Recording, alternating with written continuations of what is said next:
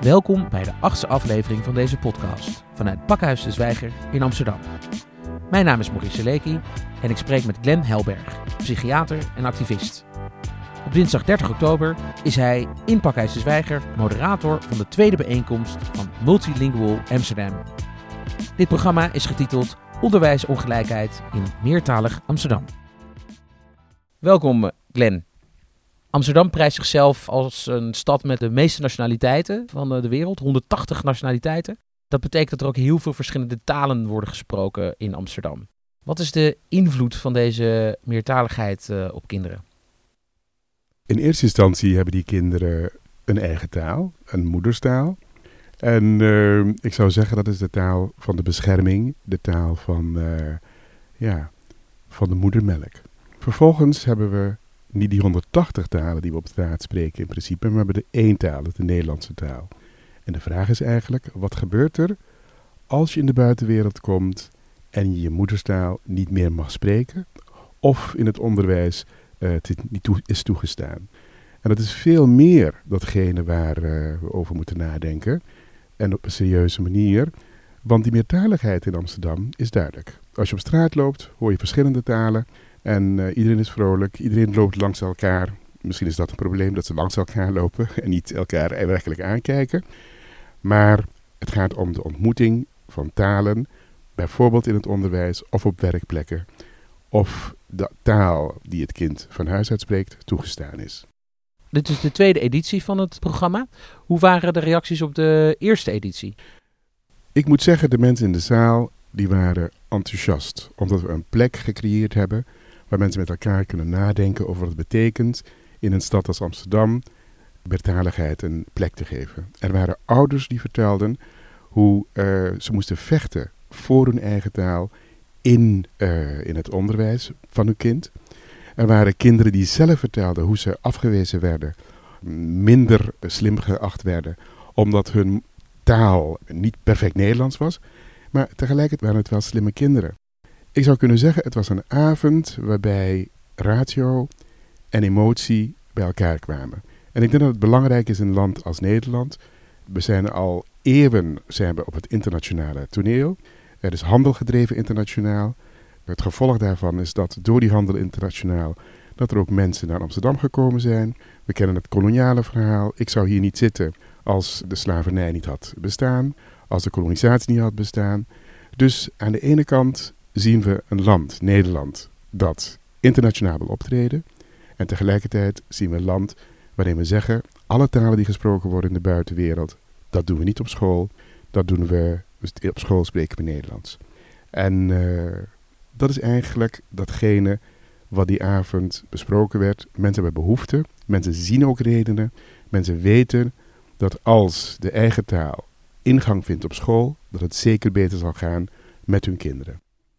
Glenn, op veel basis- en middelbare scholen wordt alleen Nederlands gesproken. Wat is er bekend over wat het uh, betekent voor kinderen waarvan Nederlands niet de moedertaal is? Als je naar school gaat, ben je al bezig met identiteitsvorming. En je identiteitsvorming is vooral als je jong bent heel erg gekoppeld aan alles wat bekend is.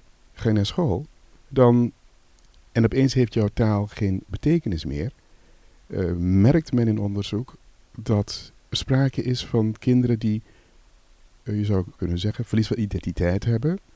Ze voelen zich minder welkom op een school. Ze worden minder zelfverzekerd. En uh, we zien ook uit onderzoek dat die kinderen slechter presteren. Dat blijkt onder andere uit Vlaams onderzoek. En het is heel grappig, zeg ik altijd. Kinderen komen in de wereld en dan zijn ze aan het leren. Komen ze op school, dan gaat hun leren opeens een andere betekenis krijgen. Dan gaat men spreken over dat ze goed in het leren zijn of slecht in het leren zijn. En taal is het vehikel waarmee je uitdrukking kunt geven aan je leervermogen. En als juist die taal voor de communicatie, die brug, als die juist ook nog eens een keertje wordt afgewezen en je totaal iets nieuws wordt aangeboden, dan snap ik inderdaad dat kinderen die op school komen, dat ze zich ja, minder thuis voelen. Want wat je wilt is dat een kind thuis is en een verlangen krijgt naar school en dat er een continuum is van bescherming en veiligheid. En, uh, ja, en dat is jammer voor die kinderen. Dat zien we dus in het onderzoek. Maar wat belangrijker is, zien we in het internationale leven dat in het latere leven meertaligheid juist als plus gezien wordt. Een advocaat bijvoorbeeld die zich bijvoorbeeld op het Turks bedrijfsleven wil richten. En hij is tweetalig. Dat is dan op dat moment juist een kracht die die persoon op dat moment heeft. En dan hoef je bijvoorbeeld niet iemand uit Turkije, te halen, een advocaat, om bijvoorbeeld hier in Nederland zaken te doen. Je kunt zo iemand aannemen, die is fantastisch in zijn eigen taal en die is fantastisch in de Nederlandse taal. En we hebben dus onze eigen Nederlandse mensen die internationaal kunnen uh, functioneren. Wij zijn heel erg goed in Nederland in een aantal talen. Frans, Duits, Engels, dat zijn Europese talen. Kijken we naar de wereld vandaag en de, ja, het globale veld, het grote veld waarin we functioneren, lijkt het me juist heel belangrijk dat we mensen die hier naartoe komen, die Nederlander worden of Nederlanders zijn, dat we hun niet vervreemden van hun eigen taal, maar dat we hun juist laten voelen, de eigen taal, de moederstaal is een, is een kracht. En het andere is de taal van het land, de Nederlandse taal, de taal waartoe je je ook verhoudt omdat je Nederlander bent. Als we je die ook goed leren, dan maken we van jou ja, bijna, nou, laat maar even een, iets zeggen, we maken supermensen. Jij bent zelf op Curaçao opgegroeid. Ja. Want ik wil het ook nog heel even over jou, jouw eigen leven en jouw eigen perspectief hierin hebben. Mm Welke talen werden daar allemaal gesproken en hoe heeft dat jou beïnvloed als, uh, als professional en als mens? Ik moet je zeggen, taal is vanaf het begin van mijn leven een onderwerp geweest. Mijn ouders waren migranten uit Suriname, die op Curaçao zijn gaan. En de geschiedenis van mijn ouders is juist bepaald door taal. Mijn moeder was leerkracht, dus daar speelde taal sowieso een rol. Maar mijn vader, die is, je zou kunnen zeggen, er, waren, er zijn push- en pull-factoren om uh, te gaan uh, migreren, om ergens naartoe te gaan. En een van de factoren waardoor mijn vader naar Curaçao is gegaan, was dat er werk was op de Antillen, op Curaçao, op Aruba. En uh, dat trok mijn vader uit Suriname. Dat zijn die pull-factoren, die trokken hem weg daar naartoe. Maar wat bleek? Het was ook een beleid van de Shell, de raffinaderij. Want Shell zat op Curaçao? De Shell zat op Curaçao. En het beleid was ook, we moeten mensen die Nederlands spreken, willen we trekken naar de eilanden. Omdat de eilanden op dat moment nog niet gezien werden als parel van het koninkrijk. Suriname wel. En men had heel veel geïnvesteerd in het onderwijs in Suriname, in taalonderwijs. Dus wat deden de mensen? Ze hadden mensen nodig die op de Antillen kwamen werken, die Nederlands spraken en die zouden nu, moet je goed nagaan wat er gebeurde, die zouden nu een middenkader gaan vormen. Je had dan de Nederlanders die dan aan het hoofd stonden van het bedrijf. Dan wilden ze een middelkader creëren dat bestond uit mensen die Nederlands spraken. En dan had je dan de bevolking van het eiland zelf, die dan ook daar werkt. Dus doelbewust, uh, dat wist mijn vader natuurlijk niet, werden de mensen aangetrokken. En tegelijkertijd creëerde het op Curaçao ook een probleem, omdat de mensen op het eiland zelf, die keken naar de Surinamers alsof dat mensen waren die... Hun banen kwamen inpikken of hun plek kwamen inpikken. Je zou kunnen zeggen, hun eiland kwamen inpikken. Langzamerhand ontstond er dus een, een, een ja, je zou kunnen zeggen, een conflict Juist door die waardering. Want als je Nederlands sprak, dan was je beter. En ik ben opgevoed met de woorden: thuis spreken we Nederlands, omdat het voor jouw school veel beter is. Dus er werd geen Surinaams gesproken. Mijn ouders spraken geen Surinaams onderling. Althans, niet met ons, wel onderling. En daar heb ik die taal ook geleerd. En Papiamentu werd thuis ook niet gesproken. En Schranatongo hebben we het dan over. Schranatongo, ja. Werd Surinaams Schranatongo niet gesproken. En ook papiamento mocht niet, want school en, en, de Nederlandse taal was belangrijk. Dus voor mij is het onderwerp van vandaag is een onderwerp van meer dan 60 jaar oud. Het is voor mij geen nieuw onderwerp. Wat betekent het taal in het onderwijs? Dat is goed om te weten, want dan weten we ook wat jouw persoonlijke betrokkenheid is bij dit thema en ook Ja, in, deze, in dit programma. Want je hebt Ja. waarschijnlijk ook heel veel lessen kunnen trekken uit wat jouw ervaringen waren van 60 jaar geleden tot nu. Ja, want we zien dat het nog steeds niet is opgelost. We zien nog steeds niet dat we begrijpen dat je kinderen die thuis bijvoorbeeld uh, papiamento spreken, dat je die kinderen de kans moet geven, als ze op school komen, om een overgang te hebben van de eigen taal en de taal die ze willen leren. Want wat was onder andere het gevolg? Waarom zeiden mijn ouders dat? Mijn ouders zagen wat de resultaten waren van de kinderen die thuis papiamento spraken en op school kwamen. En de kinderen die Nederlands spraken en op school kwamen. We zagen dat op het moment dat de kinderen op school kwamen, de kinderen die Nederlands spraken, zich sneller konden aanpassen, sneller konden meedoen in het onderwijs en, uh, en daarmee ook betere kansen hadden. Dus mijn ouders hadden als gedachte, dat gaan wij niet doen, want we willen dat onze kinderen goed meekomen op school. En de ouders die dus die mogelijkheid niet hadden, de kinderen die daar geboren waren, heel veel papiamento spraken, we zagen dat zij in een andere positie, een andere positie op school terechtkwamen. En de kinderen op Curaçao, die van huis uit papiamento spraken, naar school zijn gegaan en veel hebben bereikt. Ik moet je zeggen, die kinderen hebben grote sprongen genomen. Die hebben heel veel bereikt. En ik moet je zeggen, elk kind dat heel ver komt in, een, in onderwijs, waarvan je kun, kunt zeggen dat in eerste instantie hun taal wordt uitgesloten, dat zijn helden.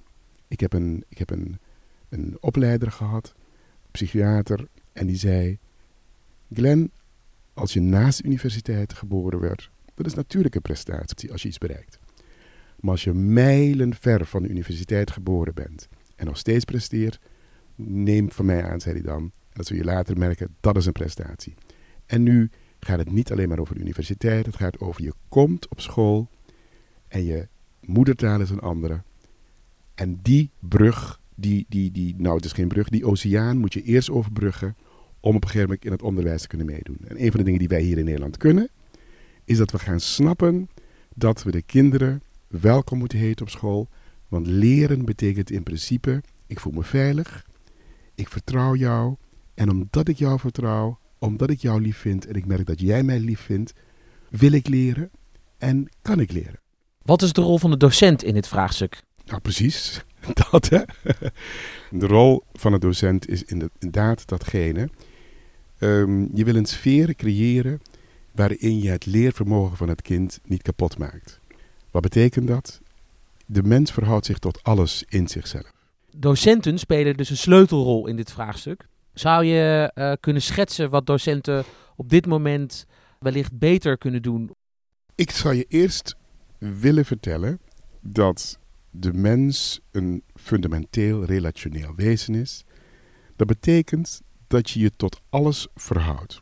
En noem maar iets, als je mij nu iets vraagt, dan kan ik jou de vraag terugstellen: hoe verhoud je je ertoe?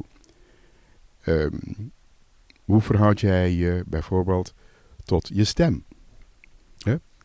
Vind ik mijn stem mooi of niet? Hoe verhoud ik mij tot mijn huidskleur? Uh, voel ik me daar senang mee of niet? Hoe verhoud ik mij tot mijn lichaam? Hoe verhoud ik mij tot mijn uh, seksualiteit? Hoe verhoud ik mij tot mijn gender? Maar voor kinderen geldt zeker, al die zaken die ik net noemde gelden voor kinderen, maar in dit kader, hoe verhoud ik mij tot mijn leervermogen? En je wilt rust ervaren in je leervermogen. Je wilt niet op school komen en opeens gaan ontdekken dat je leervermogen niet goed is. Of dat het beoordeeld wordt in negatieve termen. Dus leerkrachten willen weten dat als kinderen op school komen, dat ze bezig zijn een goede relatie te ontwikkelen tot hun leervermogen.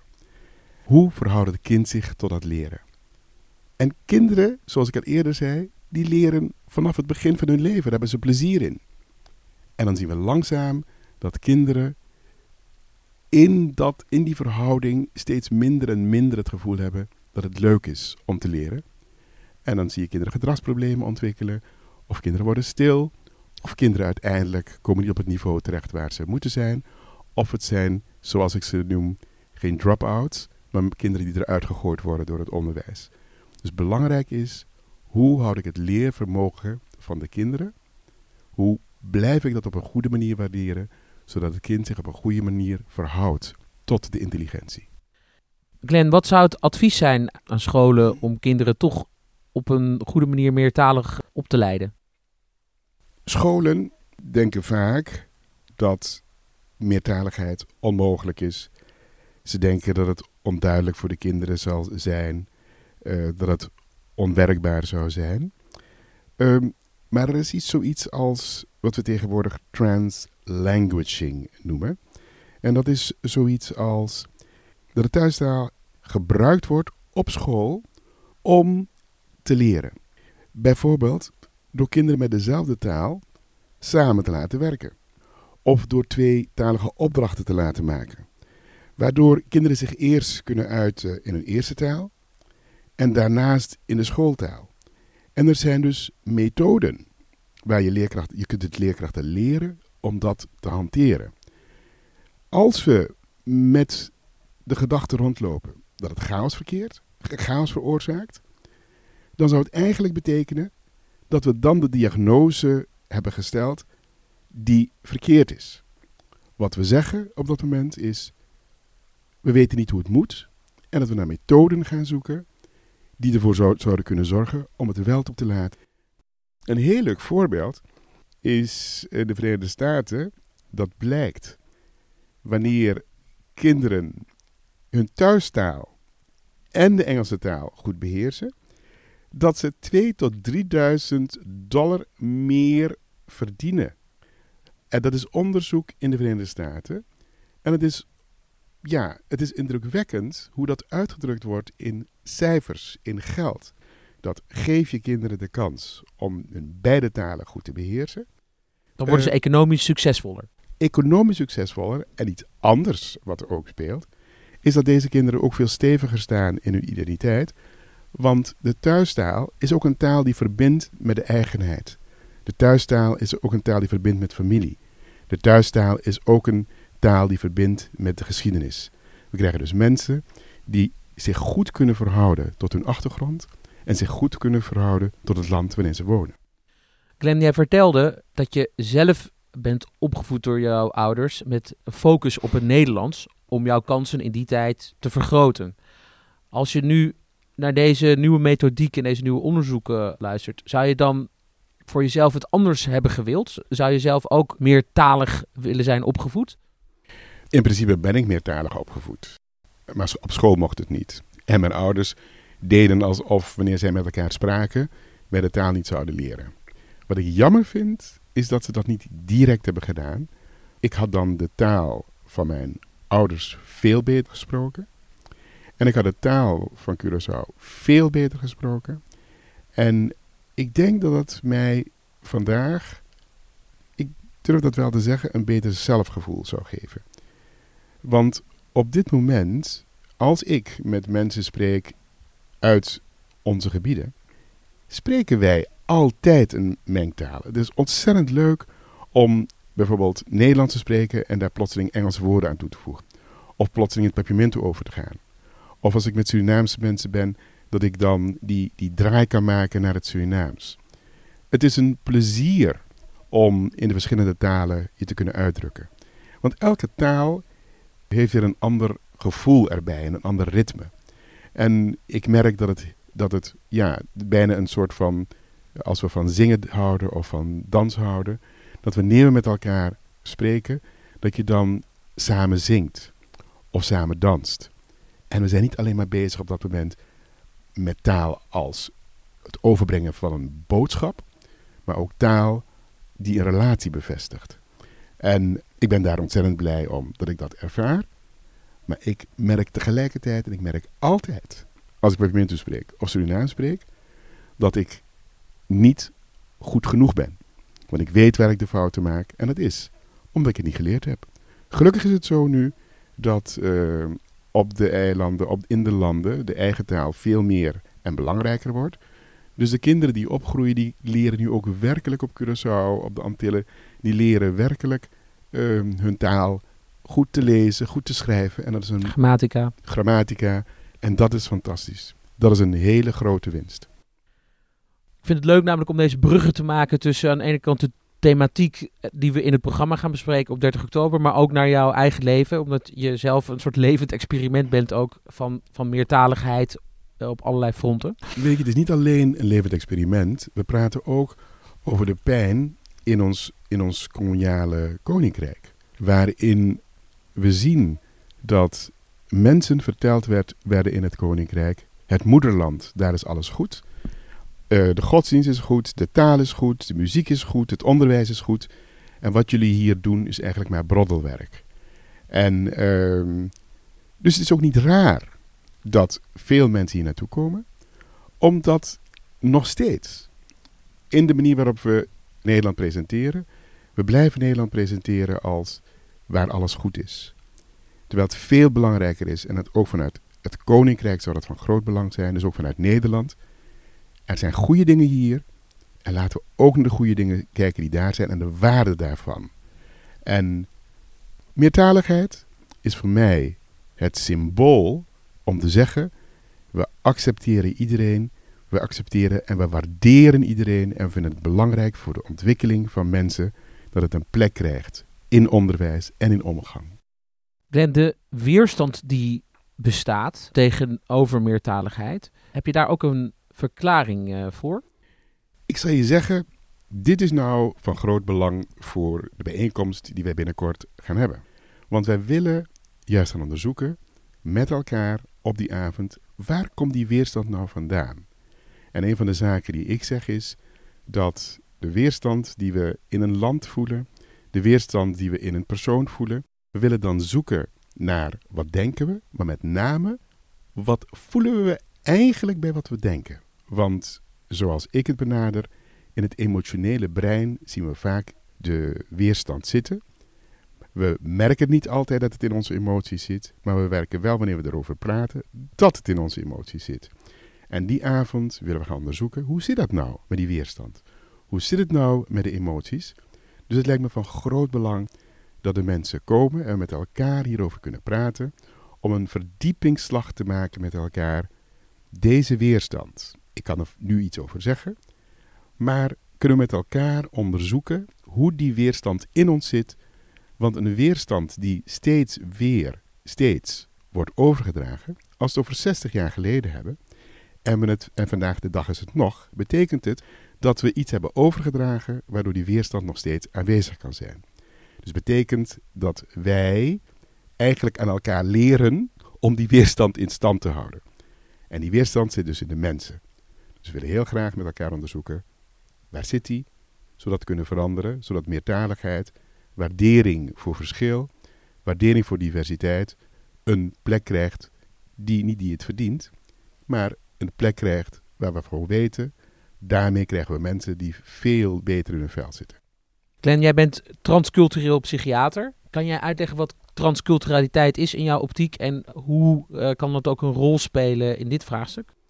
Ik noem mij transcultureel psychiater omdat dat in dit land zo heet.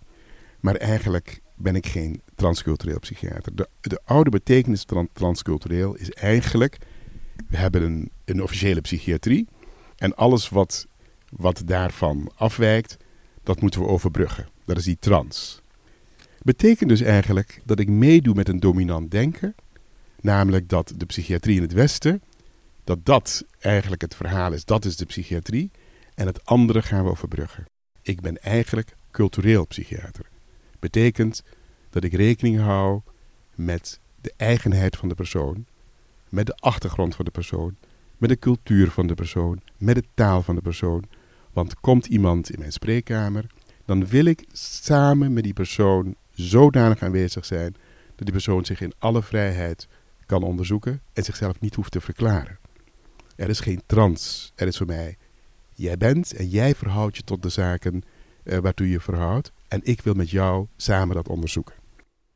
Dan vraag ik me dus één ding af in dit vraagstuk, in het specifiek. En dat is dus weer terugkomend op die 180 nationaliteiten. Als je 180 talen gaat spreken op school, omdat die er dus ook zijn, dan lijkt me dat best wel complex als, als, als, als school om dat te kunnen faciliteren. Als we dat even terugbrengen bijvoorbeeld naar jouw spreekkamer, kun jij met 180 verschillende nationaliteiten ook omgaan als dat allemaal patiënten zijn? Ik wil in eerste instantie zeggen dat we altijd denken: oh god, 180, hoe moet dat kunnen? In eerste instantie zijn er voldoende talen in Nederland die we al kunnen introduceren op school, bijvoorbeeld in Amsterdam. Waarbij we gaan durven dit te doen, want hoe meer we het durven, hoe meer we gaan snappen dat het mogelijk is, hoe makkelijker het wordt. Want dan eh, ben je heel vindingrijk als je plots iemand hebt die maar één, uh, waarvan je er maar één hebt op school. Maar belangrijker nog is je vraag: wat doe ik? In eerste instantie, ik heb niet 180 verschillende nationaliteiten gezien, maar elke keer verbaas ik mij weer over het feit dat wanneer ik contact maak met mensen, dat de pijn die we hebben allemaal hetzelfde is. Dat wat we willen in het leven allemaal hetzelfde is. Kan er misschien anders uitzien, in eerste instantie is dat het. We spreken op dit moment bijvoorbeeld over vluchtelingen. Ik zie vluchtelingen van overal. Als ik alleen maar zou luisteren naar wat er in het nieuws gezegd zou worden, dan zou ik denken dat ik verschrikkelijke mensen zou tegenkomen. Zie ik de mensen voor me? Elke keer als ik dan naar huis ga aan het eind van de dag, dan heb ik zoveel menselijk leed gezien. En ik vraag me af hoe kan het dat mensen elkaar dit aandoen? En ik zie dat mensen met heel veel veerkracht proberen toch nog iets van hun leven te maken. Ik zie menselijke kracht. Ik zie menselijk verdriet. Ik zie menselijke verwonding. En daar maak ik contact mee. Dat is universeel. Dat, dat, gaat dwars door al die nationaliteiten heen. En dan, soms, versta ik de mensen niet eens zo goed. We hebben een polykliniek die ervoor zorgt dat wij met therapeuten werken van verschillende achtergronden, zodat we elkaar kunnen helpen als we de taal niet spreken. Dus we hebben Spaanstalige collega's. We proberen collega's te hebben die Arabisch spreken. We proberen collega's te hebben die Afrikaanse talen spreken. Wat we proberen te doen in onze poli is ervoor te zorgen dat er voldoende diversiteit zit in het personeel, zodat we de mensen kunnen ontvangen en zodat de mensen wanneer ze bij ons komen ook kunnen zien of kunnen ervaren dat er een soort van welkom is. Het betekent dat we op scholen ook op allerlei manieren kunnen laten zien aan de kinderen in de omgeving dat ze welkom zijn. Dus als die 180 talen er zijn en je kunt die talen niet spreken, kun je wel symbolen in de klas of op school laten zien in die talen of met een plaatje of wat dan ook, dat de kinderen welkom zijn. Ik denk dat we langzamerhand de zaak serieus moeten gaan nemen om te weten dat je welkom voelen, dat dat de kracht is van onze samenleving om mensen te helpen verder te komen. En niet, wat we op dit moment aan het doen zijn, taal als uitsluitingsmechanisme te gebruiken. En taal met alle symbolen die erbij horen. Want taal staat voor je cultuur, staat voor je ouders, staat voor. Nee, laten we die taal, al die 180 talen, in de scholen brengen. En hoe we dat doen, daar kunnen we naar kijken. Maar we moeten bereidheid hebben om dat te doen en niet bang te zijn. Tot slot, Glenn, welke boodschap wil je onze luisteraars nog meegeven? Weet je wat ik belangrijk vind? Als de mensen nu naar mij luisteren, zouden ze kunnen denken dat ik het alleen maar heb over mensen met een donkere huidskleur. Maar het is heel belangrijk dat de mensen moeten weten dat als we het over dit onderwerp hebben, we ook praten over witte Nederlanders die worden buitengesloten op basis van hun dialect of hun accent. Uit verschillende onderzoeken is gebleken dat autochtoon dialectsprekers in Nederland eigenlijk, nou eigenlijk is misschien niet het woord, niet slechter presteren op standaard toetsen zoals de CITO, maar wel vaker lager worden ingeschat door hun leerkrachten. Ze gaan korter naar school en weet je wat? Ze verdienen ook beduidend minder. Soms wel tot 12% minder blijkt uit onderzoek. Ik zou zeggen dat we heel goed nadenken over wat we doen met taal, hoe taal uitsluit en hoe we dus niet in de kracht komen van mensen. Dit gaat over alle mensen. Mensen, het hele spectrum van kleuren van mensen. En we willen dat serieus nemen, want als we het erover hebben, dan praten we eigenlijk over dat we mensen hebben die standaard Nederlands spreken en dat die dan succesvol zouden moeten kunnen zijn. En datgene wat daarvan afwijkt, dat we eigenlijk niet goed genoeg opletten dat die mensen eigenlijk niet op die plek terechtkomen waar ze zouden kunnen komen. Dus mijn boodschap, ik zei net, ik ben niet een transcultureel psychiater, ik ben een cultureel psychiater. Dat betekent dat we met iedereen, met elke achtergrond rekening houden. En ook in dit geval gaat het over iedereen.